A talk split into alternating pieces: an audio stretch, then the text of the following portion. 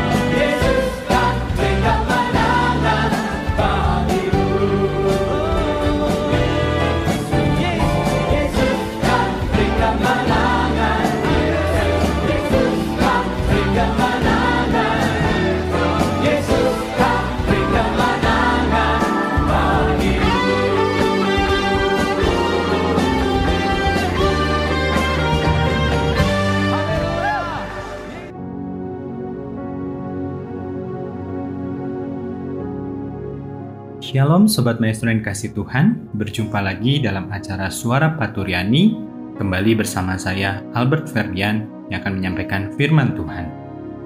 Sobat Maestro, kondisi sosial di berbagai negara saat ini terus bergeser. Dari yang saling peduli satu dengan yang lain menjadi kurang peduli atau bahkan tidak memikirkan orang lain. Banyak orang yang kini hidup semau gue, alias hidup-hidup gue ya terserah gimana gue.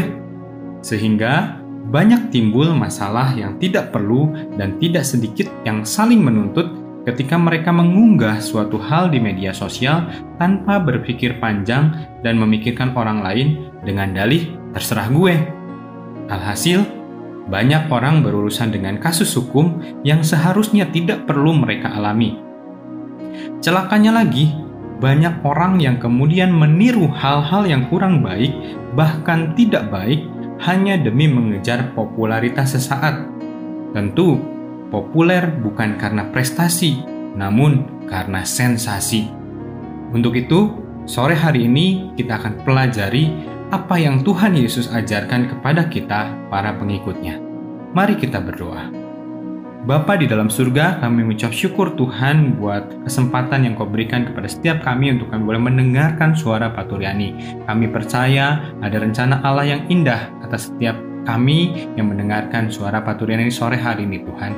Dan bilang kau yang berikan hikmat marifat kepada setiap kami untuk kami boleh menangkap isi hatimu yang kami percaya dapat mengubahkan hidup kami menjadi lebih baik serupa dan segambar dengan engkau.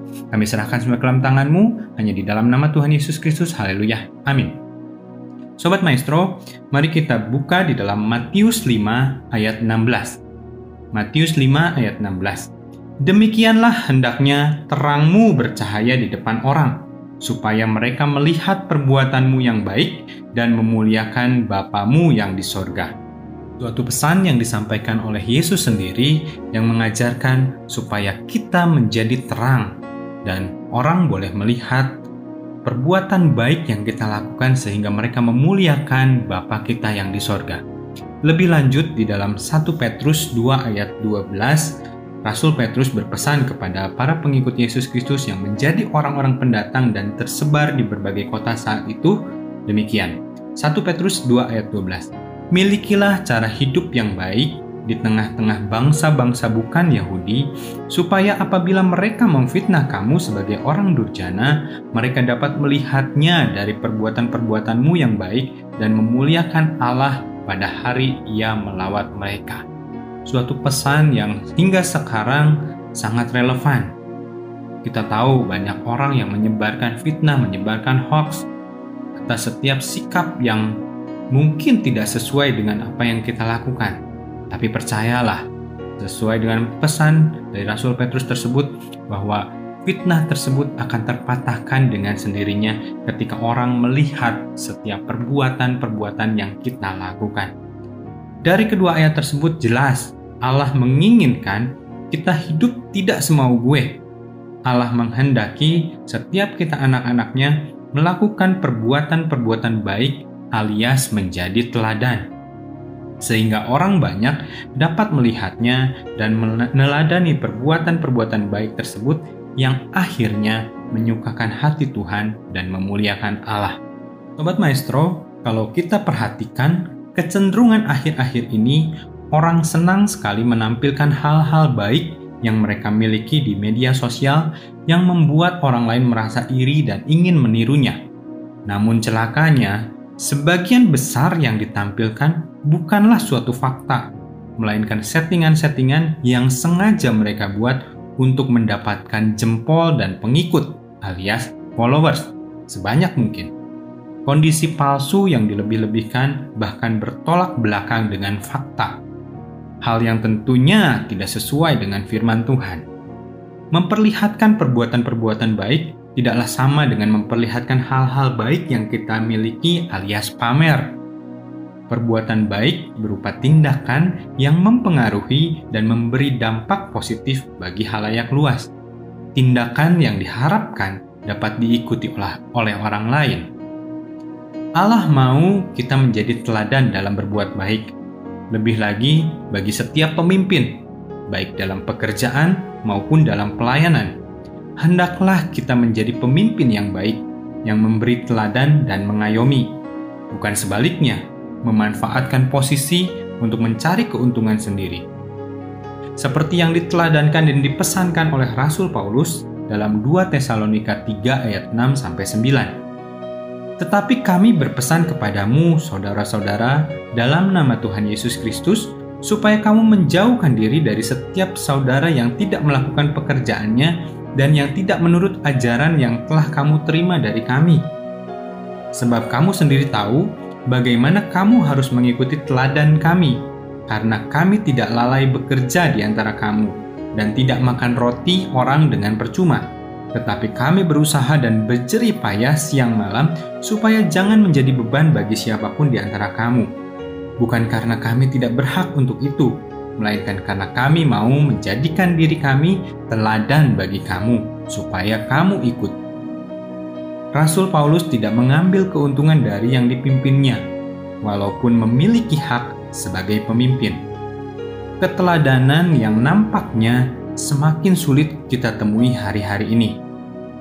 Bahkan lebih lagi, kita lihat teladan dari Yesus sendiri yang mengatakan di dalam Yohanes 10 ayat 11, Akulah gembala yang baik. Gembala yang baik memberikan nyawanya bagi domba-dombanya. Yesus menempatkan diri sebagai gembala yang baik yang memberikan nyawanya bagi domba-dombanya. Dan hal tersebut Yesus buktikan melalui karya salib yang dilakukannya. Bukan hanya sekedar omong doang, tapi sungguh Yesus melakukannya. Yesus rela korbankan nyawanya untuk menebus kita yang berdosa. Suatu teladan yang luar biasa. Sobat Maestro, mari kita berlomba-lomba dalam perbuatan baik dan menjadi teladan bagi orang sekitar kita, supaya mereka melihat ada Kristus di dalam hidup kita dan menjadi percaya serta memuliakan Allah. Mari kita berdoa. Bapa di dalam surga, kami mengucap syukur Tuhan kalau sore hari ini Engkau ingatkan kami Tuhan untuk suatu tugas yang besar di mana kami harus menjadi teladan bagi orang-orang sekitar kami. Bapa di surga, berikan hikmat kepada setiap kami Tuhan untuk kami dapat menjadi teladan untuk kami dapat menjadi pelaku firman-Mu Tuhan. Bukan hanya sekedar berbicara, bukan hanya sekedar mendengarkan firman-Mu Tuhan, tapi lebih lagi Tuhan kami dapat melakukan firman-Mu dalam kehidupan kami. Ajar setiap kami Tuhan untuk kami boleh menjadi berkat untuk orang-orang sekitar kami. Untuk kami boleh menjadi contoh untuk orang-orang sekitar kami Tuhan. Dan orang-orang sekitar kami boleh melihat Tuhan, ada Engkau, ada Allah yang hidup di dalam setiap kami Tuhan. Dan mereka boleh melihat perbuatan-perbuatan baik yang kami lakukan dan lebih lagi memuliakan Engkau Bapak. Terima kasih Tuhan, kami serahkan Tuhan bacaan firman-Mu ke dalam tangan-Mu, Engkau yang memetraikan di dalam setiap hati Sobat Maestro sekalian yang mendengarkan Tuhan, dan biarlah Tuhan kiranya roh kudus yang mengajarkan kami untuk boleh mengerti lebih lagi. Kami serahkan semua ke dalam tangan-Mu, hanya di dalam nama Tuhan Yesus Kristus kami ucap syukur, haleluya, Amin.